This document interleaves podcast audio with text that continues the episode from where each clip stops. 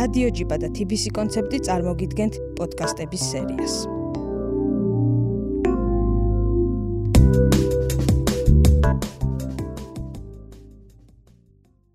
გამარჯობა, მე ვარ დათო ტურაშვილი, მწერალი, მაგრამ დღეს მომიწევს საუბარი იმ იმ პერსონაჟებზე, რომელთა შესახებაც ციგნის დაწერის სრული სურმა. სურმა აქვს, მაგრამ ამჟამად მოუყვები გერმანელებზე, რომლებიც ჩამოსახლდნენ საქართველოში 1817 წელს, რომელმაც რამდენიმე სოფელი დაარსეს და მათ შორის რამდენიმე სოფელი თბილისშიც და მე ის ის რამდენიმე სოფელი თბილისის განუყოფელი და განუყრელი ნაწილი გახდა, მე ვიტყვი მე ვიტყოდი ერთ-ერთი უმშვენიერესი ეს არის მტკვრის მარცხენა სანაპირო.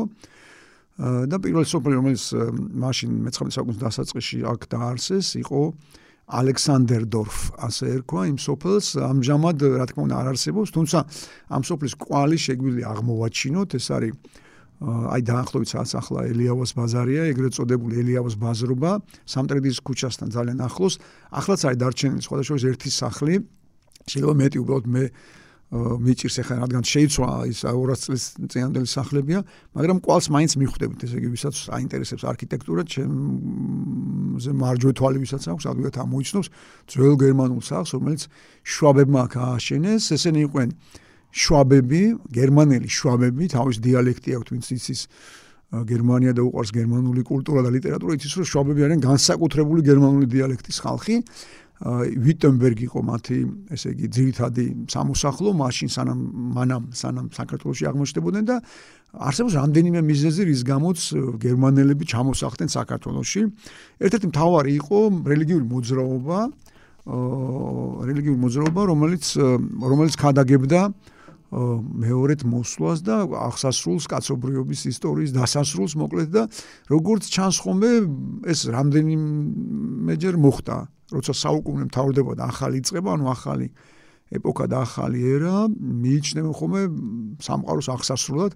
ჩვენც მოვესწარით მელენიუმი რო დგება, ანუ რომ მთავრდებოდა მე-20 საუკუნე 21-ე, მეც მახსოვს, რომ საქართველოსში და თბილისში და სხვა ქვეყნებში ალბათ ამბობდნენ, რომ აი მოვიდა მეორედ მოსვლის ჟამი, მიუხედავად იმისა, რომ არსად არ არის ზუსტად მითითებული ეს მეორედ მოსვლის ჟამი, როდის დგება თუნდაც მორწმუნეებისთვის, მაგრამ ნუ როგორც ჩანს, ყოველთვის ხდება ხოლმე ამაზე იწება ლაპარაკი და როგორ ჩანს?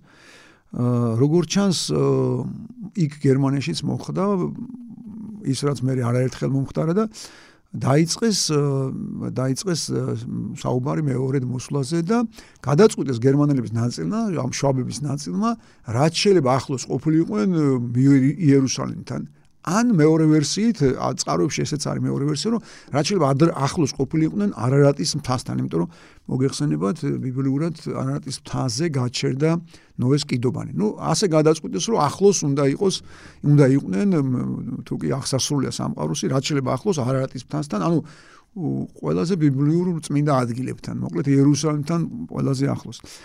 და იყო კიდე სხვა მიზეზებიც. მაგალითად წაკითხული მაქვს რომ ესე იგი იმ პერიოდში მოხდა, ეს არის მე-18 საუკუნის დასაწყისი, სადღაც ინდონეზიაში ძალიან შორს გერმანიისგან და ევროპისგან ვულკანის ამოფრქვევა, რომელიც სხვადასხვა გრავიურები და ჩანახატები მინახავს, ვულკანის ამოფრქვევა, ფოტოგრაფია არ იყო. ჯერ მე-18 საუკუნის დასაწყისში ისეთი ამოფრქვევა მოხდა, რომ ამ ტვერმა, რომელიც აბინძურებდა ჟანგბადს, ევროპამდე მიაღწია და იმდენად ცუდად იმოქმედა იმაზე ევროპელების ცხოვრებას და განსაკუთრებით გერმანელების ცხოვრებას რომ მოსავალი არ იყო ანუ შიმშილი იყო გაჭირვება იყო და ანუ ერთ-ერთი ფაქტორი ბიზნესი რის გამოც დაიზრნენ საქართველოსკენ და კავკასიისკენ გერმანელები ეს იყო შიმშილი და გაჭირვება. ну მოკლედ სხვა მიზეზით წამიკითხავს მოკლედ ფაქტი ის არის რომ ალექსანდრე იყო იმპერატორი ალექსანდრე პირველი მაქვს ხედელობაში რუსეთის იმპერიის რომელსაც ნება დართო გერმანელებს ჩამოსახლებულიყვნენ რუსეთის იმპერიაში, კენეზოთ კავკასიაში და კიდევ უფრო კონკრეტულად საქართველოში. საქართველო არ იყო ერთ-ერთი სადაც დასახლდნენ რუსეთის იმპერიაში, ვოლგის პირისპირეთში დასახლდნენ, დასახლდნენ მეზობელ აზერბაიჯანში სხვათა შორის და ნუ საქართველოში 10-ზე მეტი სოფელი ქონდათ საქართველოში როგორც ჩანს მოეწონათ. ეს ხალხი, ნუ იწვალეს, ესე იგი პირველი 30 ოჯახი ჩამოვიდა 1817 წელს. სამწუხაროდ ჩვენ, ნუ მე პერიოდულად ჩამოდიოდნენ, კიდე სახლდებოდნენ სხვა გერმანელებიც და ну, რაც ვიცით, მინიმუმ 30000 გერმანელი ცხოვრობდა 1940 ან მეორე მსოფლიო ომის დაწყების პერიოდისთვის საქართველოში. მინიმუმ 30000 ზუსტი რიცხვი ჩვენ არ ვიცით, იმიტომ რომ ტრაგიკულად დამთავრდა. ძალიან სამწუხაროდ დამთავრდა მათი ისტორია აქ.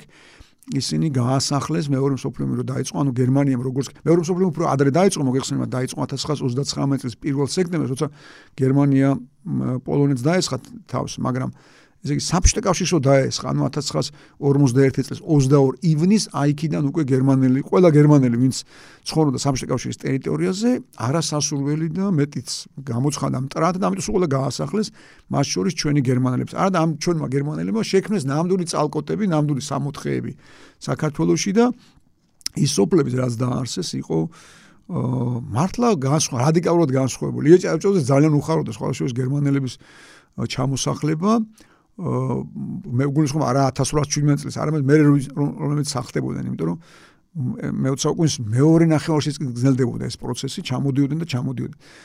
უხარდა, იმიტომ რომ თვლიდა რომ გერმანელები მოიტანდნენ როგორც ალექსანდრე იმპერატორი ალექსანდრე პირველი. რატომ მიიღეს ასეთი სიხარულით, რომ მათგან, ესე იგი, რუსეთის იმპერიის მოქალაქეები, მაშინ ცხოვრებები ისწავლიდნენ შრომის კულტურა რაც მთავარია და ისწავლდნენ წესრიგს, ისწავლდნენ ორგანიზებას, ისე ცხოვრებას, რასაც მოაქვს დოვლათი და სხვა შორის გერმანულ, ხო იცი ძალიან მიყვარს ესე უცხოელების თვალით დანახული საქართველოს და კითხულობ ხოლმე ხშირად, აი როგორ ხედავენ სხვები. ნუ ყველა მოგზაური ეს მაინტერესებს, ვინც აქ გაიარა და დაწერე რაღაც ტექსტი, წიგნები ან რაღაც წერილები, ან ჩანაწერები ან დღიურები, სულ მაინტერესებს როგორ დაგვინახთ. ხო და აი მიმიქცევი ყურადღება რომ გერმანელებს ყოველას უწერიათ თითქმის ერთი და იგივე როგორ შეიძლება ბუნებრივად ასეთი მდიდარი ქვეყანა როგორც არის საქართველოს იყოს ასეთი ღარიბი ადამიანების სამოსახლო როგორც ქართველები არიან. ანუ ვერაფერ ვერ ხსნიან გერმანელები რომ ამდენი სიმდიდრე როგ როგორ არიყენებ ამას და ასე ღარიბი როგორ უნდა იყო და თვითონ გერმანელებმა შექმნეს აი საოცრებები თუმცა სანამ ну დასაწყისში რა თქმა უნდა რთული იყო, ამიტომ რუსეთის იმპერიისაგან იმდენ შეღავათი ქონდათ, ისეთი ხელშეწყობა ქონდა გერმანელებს, რომ აი პირველ სოფელს მტკვრის მარცხენა სანაპიროზე, აი სადაც ახლა სამტრედის ქუჩა დაახლოებით იქ დაარქვეს ალექსანდერდორფ, მის საპატივცემულოდ. ხო შეიძლება მე იმდენად უნდათ გამოიხადათ ამ იმის ალექსანდრის მიმართ პატივცემა, რომ მაგალითად ერთ სოფელს დაარქვეს ელიზაბეტტალი, აი სადაც ასურეთი არის ახლა სოფელი ასურეთი, ისტორიულად ასურეთი ერქვა, მე დაარქვეს ელიზაბეტტალი, იმიტომ რომ ელისაბედი იყო მისი მეუღლე და მისი ესე გერმანელი მეუღლე ყავდა მის საპატივცემო დაარქვეს. სხვა შორის აი მაშინ ბოლნიში, ამჟამინდელ ბოლნიში, იქაც ქონდათ სოფელი, ну ბევრი ქონდათ, როგორც ვთქვი, 10-ზე მეტი სოფელი ქონდათ. იმას დაარქვეს კატერინენფილდ, ანუ დის საპატივცემოთაც კი ალექსანდრეს დის, ანუ იმდენად უნდა და პატივცემის ესე იგი რაღაცნაირად გამოხატვა. ვინ იყო ეს პირველი ესე თბილისში ვინც დასახლდა, რა თქმა უნდა იყვნენ ის ხალხი, ვინც სხვა შორის ჯერ მინდა მადლობა უთხრა მე რამდენად ვეუბნები გერმანელებს ამ მადლობას, იმიტომ რომ მათ შემოიტანეს მაგალითად კარტოფილი. ჩვენ მანამდე კარტოფილი არ ქონდა. საერთოდ ევროპაში და მათ შორის არ ჩვენ არ ქონდა კარტოფილი 1492 წლამდე, სანამ კოლუმბია არ მიადგებოდა ამერიკის კონტინენტს, იმიტომ რომ ამ ჩვენ კონტინენტზე კარტოფილი არ იყო. ნუ ბევრი რამე არ იყო სხვა შორის პამიდორი არ იყო. ბადრიჯანი მე მგონი იყო ისა კარტოფილი პამიდორი ნახდათ ვიცი რა სიმინდი არ იყო ეს შემოტანილია მე ესე კოლუმბის მე მაგრამ ჩვენამდე გვიან მოაღწია ევროპაში კი ესპანეთში ეგრევე შევიდა მაგრამ კარტოფილი და ოქრო მაგრამ ჩვენამდე ამ სიკეთე მოაღწია ზუსტად გერმანელების დამსახურებით. ანუ თბილისში აი მტრის მარცხენა ნაპირზე დაიწყეს მაშინ არ იყო ქალაქი ბუნებრივია იქ დაიწყეს ამ დათესვა კარტოფილის და დღემდე არის შორის აი ასურეთში, ბოლნიში, იქ სადაც იყო მათი სამოსახლოები, დღემდე არის კერძი დარჩენილი იმ ნემენცური ასე ქვია ქართველები ახლაც თვითონ გერმანელები გაასახლეს მაგრამ იქ კერძები ხო დარჩათ. ასე ქვია ახლაც ასე უწოდებენ ესე იგი ხორცისა და კარტოფილის სინთეზია. მე ხა ცუდად ვერ ყვევი კულინარიაში მაგრამ გასინჯული მაქვს ეს კერძი გამისინჯავს და ასე უწოდებენ ახლაც ნემენცურად. სოფელ ჯორჯიაშვილშიც მაქვს გასინჯული და მოკლედ იმის თქმა მინდა რომ კარტოფილი რადგან ჩვენი შულები არაფერს არ ჭამენ კარტოფილის გარდა, შემწვარი კარტოფილის გარდა, ამიტომ გერმანელებს დიდი მადლობა რომ პირველი კარტოფილის დათესვა იმ ტკბის მარცხენა სანაპიროზე დაიწყეს დაახლოებით სადაც ახლა ეგრეთ წოდებული ელიავას ბაზრობა. ქონდათ მეორე სოფელი ნოიტიფლის ეს სახელი იქიდან მოდის, ანუ ახალი თბილისი. ანუ ჯერ არ იყო ოფიციალურად ქალაქი, მაგრამ ახალი თბილისი. აი სადაც ახლა არის აღმაშენებლის გამზირი ყოფილი პლეხანოვი, ეს იყო სულ გერმანული დასახლება, ძალიან ადვილი ამოსაცნობია, რომ ესე იგი ტყვის მარჯვენა სანაპიროზე, აი სადაც სოლოლაკია, სადაც ახლა ჩვენ ვიმყოფებით და ესე იგი თბილისის ძველი ისტორიული უბნები, იქ ესე იგი სხვა არქიტექტურა, სხვა ხალხი ცხოვრობდა, ხოლო აი აღმაშენებელი იქ ძალიან ადვილი ამოსაცნობია ეხლაც არსებობს სხვადასხვა დაფაცა აქვს ნომერი აღარ მახსოვს რომელი აღმაშენებლის გამზირი შეგიძლიათ ნახოთ ის გერმანული სახლი რომელიც ნოიტიფლის ეკუთვნოდა ნოიტიფლისში ააშენეს გერმანელებმა და სადაც აწერია აბრა ეხლაც აქვს ეს არის გერმანული როში დააკვირდებით მეორე მხარეს თუ გადახვალთ ეს რა ტროტუარის ნახავთ ეს ესე იგი ეს გერმანული სახლები არა მხოლოდ შვაბური სახლებია გარედარო მოპირკეთება აქვს ეს სოფლებში ხა კარგად არის დარჩენილი მაგალითად ბოლნიში რამდენიმე სახლი ძალიან დიდი გერმანული სახლები იგივე ასურეთში და კიდევ არის სარტიჭალაში ქონდათ პირველი სოფელი იქაც არის კარგად დარჩენილი. ა თუ არ ვწდები სარტიჭალის სოფელს ერქვა მე მგონი ამერი ერქვა კატერინენფილდ. ბოლნის ერქვა ლუქსემბურგი სხვადასხვა საბჭოთა პერიოდში მე როზა ლუქსემბურგის აპოზიციომოდ დაარქვეს ლუქსემბურგი მეორე მსოფლიო ომამდე ანუ საბჭოთა კავშირ გერმანიის ომამდე. ერქვა ლუქსემბურგი გერმანელი რევოლუციონერის და მარქსისტის კოროზა ლუქსემბურგის აპატიციომად. მოკლედ ეს ვინც იყვნენ თბილისში პირველი გერმანელები. ესენი იყვნენ, რა თქმა უნდა, გარდა იმისა, რომ მიწას მიწის დამუშავება იცოდნენ, იყვნენ მორწმუნე ხალხი, ну, მათი რელიგია იცით, ალბათ ეს არის ლუთერანიზმი, ანუ მარტინ ლუთერის გამო, მარტინ ლუთერი იყო დიდი რეფორმატორი, ესე იგი კათოლიციზმში, გერმანულ კათოლიციზმში, ვინც შექმნა თავის მოძღვრება, ვინც მოგეხსენებათ, ცდილობდა იყო იმის მომხრე, რომ ესე იგი მღვდელი არ არის სიამოვნებაში, არ არის საჭირო, რომ იყოს შუამავალი ადამიანსა და ღმერთს შორის და თვლიდა, რომ თავარი შუამავალი ეს არის ტექსტები, ახალი აქტმის ტექსტები, წმინდა სახარება და მოკლედ ის თვლიდა რომ ადამიანს ხა შეიძლება არ შეხვდეს ჭკვიანი და კარგი მღვდელი და ასე ვერ მოხვდება რა ქვია ქრისტიანობაში და ანუ ჯობია რომ არჩიოს ინდივიდუალური გზა, ანუ ის თვლიდა რომ განათლება არის ყველაზე კარგი გზა კარგი ქრისტიანისთვის. მოკლედ ეს არის ლუთერანიზმი, ну, რა თქმა უნდა, თავისთავად პროტესტანტული იყო, პროტესტანტიზმია, ოღონ ქრისტიანობაში, კერძოდ კათოლიციზმში. აი მათი მიმდევრები იყვნენ და გარდა იმისა რომ რაჩული სახლები ააშენეს თავის ბაღები სხვათა შორის აი ყოფილ პლეხანოზე ბევრი ბაღის ფრაგმენტი ახალაც არის შემორჩენილი მაგალითად ეგრეთ წოდებული გორკის ბაღი კიდე რამდენიმე არტოს ბაღი ასეთი ბაღიც მახსოვს. ანუ ეს არის ფრაგმენტები აი წარმოიდგინეთ აღმაშენებლის გამზირი ორივე მხარეს გერმანული სახლები და იმ სახლების უკან სულ ეზოები ქონდათ იმიტომ რომ თვითონ ირჩენენ თავის თავს იქვე მოყავდათ მოსავალი და ეს იმ ბაღების ფრაგმენტებია დარჩენილი.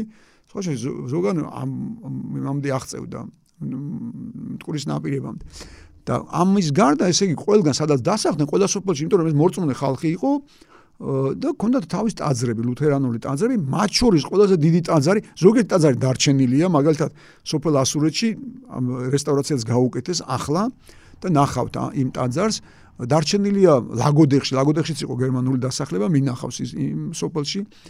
დარჩენილია კიდევ რამდენიმე ტაძარი და თავარი ტაძარი ქონდა რა თქმა უნდა თბილისში, აი სწორედ იქ სადაც მარჯანიშვილის მეტროა. მარჯანიშვილის აი იქ იდგა დიდი ლუთერანული ტაძარი, გერმანელების თავარი სალოცავი კირხე ეგრეთ წოდებული, ანუ გერმანულად ეკლესიას უწოდებდნენ და იქ ახლო-მახლო უბნელები კარგახანს კირიჩნაეს უწოდებდნენ იმის გამო, რომ იმის გამო რომ ესე ესე რუსულ კირხეს რუსული ვერსია იყო კირიჩნა ანუ ქუჩასაც კი ასე უწოდებდნენ. და იქ იდგა ეს დიდი ტაძარი ნუ სამწუხაროდ ეს ტაძარი დაანგრიეს უკვე ომის მერე მეორე მსოფლიო ომის მერე დაანგრევინეს ხო იცით ცოტა ისიც არის ამაში ცინიზმი დაანგრევინეს გერმანელებს სხვადასხვა ეს გერმანელ ტყვეებს რომელიც ბრალოდ იყვნენ მაშინ საქართველოსში ნუ თელ საბჭოთა კავშირში და გერმანელები ტყვეები იყვნენ საქართველოსშიც ბებიაჩემისგან ვიცი, რომ ესე იგი ბებიაჩემს ეწოდებოდა გერმანელები მიუხედავად იმისა, რომ ბაბუაჩემი, ანუ მის მეუღლე 1941 წელს რო წაიყვანეს ომში, 1956 წლამდე ვერ დაბრუნდა უკან, იმიტომ რომ ომის მერე გადაასახლეს ციმბირში და მოკლედ მიუსაჯეს პატიმრობა, იმიტომ რომ ტყვე იყო საკონცენტრაციო ბანაკი. ანუ ყოფილ ტყვეებს აგზავნიდნენ ციმბირში, ეგრევე მოსკოვიდან გაუშვეს და მიუხედავად ამისა, ხა ბებიაჩემს ებრალებოდა ეს გერმანელები და დედაჩემს აგზავნიდა ხოლმე ყოველდღე ატანდა. ნუ თვითონ რა ეკნებოდათ ახლა, მაგრამ ყოველდღე ატანდა პურს და ნუ რაც შეეძლოთ და თურმე მუშაობდნენ, აი სადაც ხიდი არის, ყოფილი ჩელოსკინების ხიდი, ამჟამად თამარმეფის ხიდი, იქ გერმანელები ყავდათ დასაქმებული. ნუ რაღაც მოპირკეთებაზე კუთე ამუშავებდნენ. და აქტია რომ ისიც ნამდვილი ამბავე რომ დაანგრიეს ის დაანგრევინეს ის კირხე ის ულამაზესი ტაძარი გერმანელებს. სხვა შეზ მისი არქიტექტორი იყო ლეოპოლდ ბილფელდ თუ სწორად მახსოვს ესა გვარი. შეზ ეს ეს პირველი თაობის გერმანელებმა მოიტანეს ცვლილებები ქალაქში. თბილისი სხვანაირი გახდა მათ გამო, იმიტომ რომ მაგალითად მათი გახსნილია პირველი ევროპული ტიპის სასტუმროები. მანამდე ჩვენ არ ქონდა ასეთი ტიპის სასტუმროები. რა თქმა უნდა, ქონდა ტრაქტირები, რა თქმა უნდა, ქონდა ქარვასლები, მაგალითად, ცალკე სასტუმრო ასეთი ტიპის შენობა ჩვენ არ ქონდა საქართველოს, მაგრამ ქონდა ტრაქტირები, ქონდა ქარვასლები, მაგალითად, ამჟამადაც არის დარჩენილი ეგრეთ წოდებული არწრუნის ქარვასლა, ესაც თბილისის მუზეუმია. სომეხი იყო ეს არწრუნი, გრიგორი არწრუნი, დიდარი კაცი და ქაროსლა რა იყო, სადაც აღმოსავლეთიდან მაგდათ შემოსული ვაჭრები აი ახლაც თუ ნახავთ ადვილად ამოიცნოთ ფუნქციონალურად რომ ესე ქვემო ქვემოთ იყო სავაჭრო დახლები, დუქნები, რესტორნები და ზემოთ იყო სასტუმროები. ანუ კომპლექსური იყო, ყველაფერი ბევრი მრავალფუნქციური იყო მოკლედ და გერმანელებმა გახსნეს პირველი სასტუმროები და ერთ-ერთი პირველი იყო ვეცელი, ასეთი გერმანელი იყო, მისი სახელი ერქვა ვეცელი სასტუმრო. და იქვე იყო სხვა შორის პირველი ფუნთუშები. მანამდე საქართველოსში და თბილისში ფუნთუშა არ იყო. ჩვენ გონია რომ ფრანგებმა შემოიტანეს. სინამდვილეში აი ამ გერმანელებმა შემოიტანეს ფუნთუშები მაგალითად. მათი გახსნილია პირველი ეს ჩვენ სადალაკოს უწოდებით ქართულად, მაგრამ თბილისში საპარიკმახეროები, ну, ბევრი რამე პირველი ლუდსახარში, მაგალითად რიყეზე პირველი ლუდსახარში ეს იმ გერმანელების შექმნილია და მათი, ну, მოკლედ ბევრი რამე შეცვალეს და რაც თავად შეცვალეს უცებ საქართველოს გაჩნდა თბილისში და რამდენიმე სოფელში რადიკალურად განსხვავებული ცხოვრების წესი ეს იყო ძალიან შრომელი ხალხი და რაც თავარია რაც ცუდი იყო ქართველებმა არ მიბაძეს შრომის კულტურაში პირიქით ბრაზდებოდნენ ქართველები ასეთი მოგონება მაქვს წაკითხული რომ რო ჩაულიდნენ ხოლმე სოფლებს და ამათ დააყვავებულ სამოთხებად ქცეულ ბაღებს და ბოსტნებს სუ გოროხებს და ნეხსეს როდნენ. თუმცა ამ დამპლებს რა კაი ეზოები აქვს თუ? სამწუხაროდ ჩვენ ვფიქრობთ რომ ჩვენ შეგვიძლია ასეთი კაი ეზოები გქონოდა იმიტომ რომ იმავე მიწაზე ჩვენ მიწაზე ცხოვრობდა ხალხი რომელიც ამ მიწას ისე კარგად მოიხმარდა რომ ბედნიერი იყო და დიდარი იყო და წარმატებული. სწორედ კარგად ცხოვრობდნენ გასაგებია გერმანელები ვინც შრომობს ის კარგად ცხოვრობს. საქართველოს მიწა ისეთია რომ შეუძლებელი იყო რომ ის წარმატებულები არ ყოფილიყო. ნუ გერმანელები ძალიან წარმატებულები იყვნენ. იმდენად წარმატებულები გერმანელებს თავის გაზეთები ჰქონდათ, ორკესტრები ყავდათ, საფეხბურთო გუნდი ყავდათ მაგალითად რომელიც იმაში რა ფოტო მაგ ნანახი ეხლა მოსკოვში გამოდის ასურეთის საფეხბურთო გუნდი. სხვა შეიძლება დამოუკიდებლობის დროს ჩვენთან ერთად იბძოლეს გერმანელებმა ოსმალეთის იმპერიის წინააღმდეგ არა და ოსმალეთი და გერმანია მეკავშირები იყვნენ ამიტომ გერმანული ესე იგი ტყვეთა უნდა ჩავარდნილიყო იმიტომ რომ არ შეიძლებოდა ოსმალეთი მიმხდარიყო რომ ესე იგი გერმანელი მისი მოკავშირე მის წინააღმდეგ იბძვის მოკლედ მათთვის ძალიან ესე მისასალმებელი აღმოჩნდა ეს საქართველოს დამოუკიდებლობა. ძალიან ბედნიერები იყვნენ მაგრამ საბჭოთა პერიოდში ესე იგი მაინც როგორც ჩანს საბჭოთა ხელისუფლებამ საბჭოთა ოკუპაციის შემდეგ შეინარჩუნა მადამი ცოტა ლოიალური დამოუკიდებლობა ეს რა თქმა უნდა ხა წარმოგიდგენთ საბჭოთა პერიოდში საქართველოსი ყველაზე კაი კოლმეურნეობი ვის ექნებოდა ასურეთს რა თქმა უნდა რაღაც გერმანელები იყვნენ მაშინ კოლმეურნეობი დაარსეს და რა თქმა უნდა მათ ქონდათ ყველაზე კაი კოლმეურნეობები და მაგრამ მოხდა ისე რომ ესე იგი ხო ეს საბჭოთა ხელისუფლებას აწყობდა იმიტომ რომ საბჭოთა კავშირი სანამ გერმანია არ დაესხმოდა თავს საბჭოთა კავშირს იყო ერთ-ერთი ქვეყანა რომელიც მეგობრობდა ჰიტლერთან და ჰიტლერის ნაცისტურ გერმანიასთან. საბჭოთა ხალხს ამას უმალავდნენ მერე მაგრამ ეს მოლოტოვ რიბენტროპ მოლოტოვის პაქტი არ არის შემთხვევითი ამბავი პირიქით, პირველი სოფლიო ომის მერე გერმანიას აკძალული ქონდა. ყველა ქვეყანას ქონდა აკძალული მასთან მithumetes რამე სამხედრო ურთიერთობა. ერთ-ერთი სამხედრო მეკავშირე, ერთ-ერთი სადაც ოფიცრებს ცვლიდნენ, წვნას იღებდნენ და იარაღს, ეს იყო საბჭოთა კავშირი. არსებობს დოკუმენტური ფილმი, რომელიც მე ნანახი მაქვს, რომელიც გადაღებულია, ესე იგი სამ საბჭოთა კავშირის თავს დაესხმა გერმანია ასურეთში, მაგალითად, როგორ ბედნიერად ცხოვრობენ გერმანელები საბჭოთა კავშირში. რომ იმის საერთაშორისო რომ აი ჩვენ ვართ მეგობარი ხალხი და მეგობარი. ნუ მე მოხდა ის რომ დაესხნენ თავს 1950 წლის 22 ივნისს და ყველა გერმანელი გაასა. რამდენიმეს გამონაკლისი იყო, ვისაც ყავდა ან ქართველი ცოლი ან პირიქით, გათხოვილი იყო ქართველ კაცზე. ნუ ასეთი რამდენიმე გადარჩა დანარჩენილი ზუსტად არ ვიცით, მაგრამ რამდენიმე 1000 გერმანელი გაასახლეს. სამწუხაროდ ასე ტრაგიკულად დამთავრდა, დამთავრდა მათი ისტორია, ვერ გადაუხადეთ მადლობა.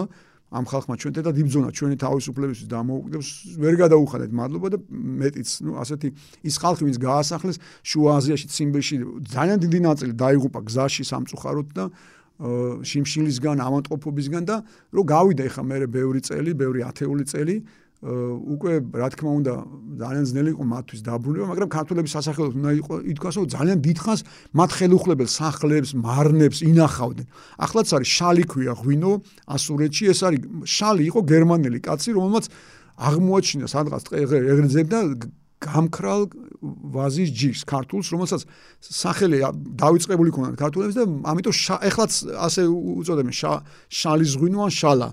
უგემრილესი ეს არის წითელი ღვინო მე ძალიან მიყვარს და საერთოდ ეს ქვემო ქართლში ძალიან კარგი მიწა არა მხოლოდ სამრენახეთ და მოკლედ ვერ გადაუხადეთ მადლობა და პირიქით თუდა დამთავრდა მათი ისტორია საბჭოთა რეჟიმის გამო და გავიდა ბევრი წელი და რამდენიმე გერმანელი კი დაბრუნდა სხვადასხვა თავისი ესე ძველ ნასახლარზე. ქართველების სასახლეებს უნდა ითქვას რომ შეუნახეს ხელუხლებად ის სახლები რომ შეხვალთ აი გაოცდებით უბრალოდ როგორ არის ორგანიზმი ან რა მარნები ქონდათ ან რა ისა რა ქვია ბეღელი ან როგორი ქუჩები და სახლები და ამის ნახვა ყველა შეუძლია რა ქვია მე მიყვარს ამ ამ ამ ისტორიაზე ლაპარაკი მაგრამ ყველაზე კარგი ალბათ იქნება რომ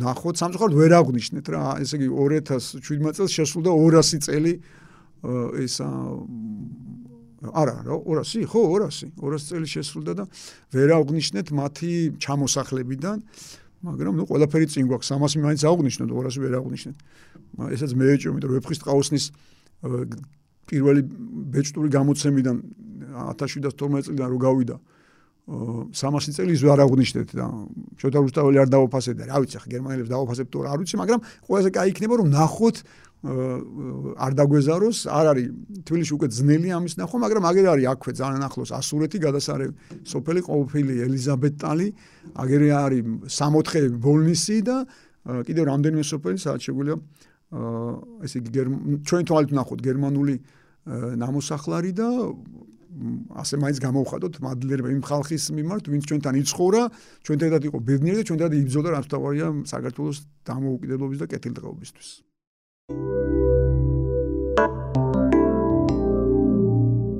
რადიო ჯიბა და TBC კონცეფტი წარმოგიდგენთ პოდკასტების სერიას.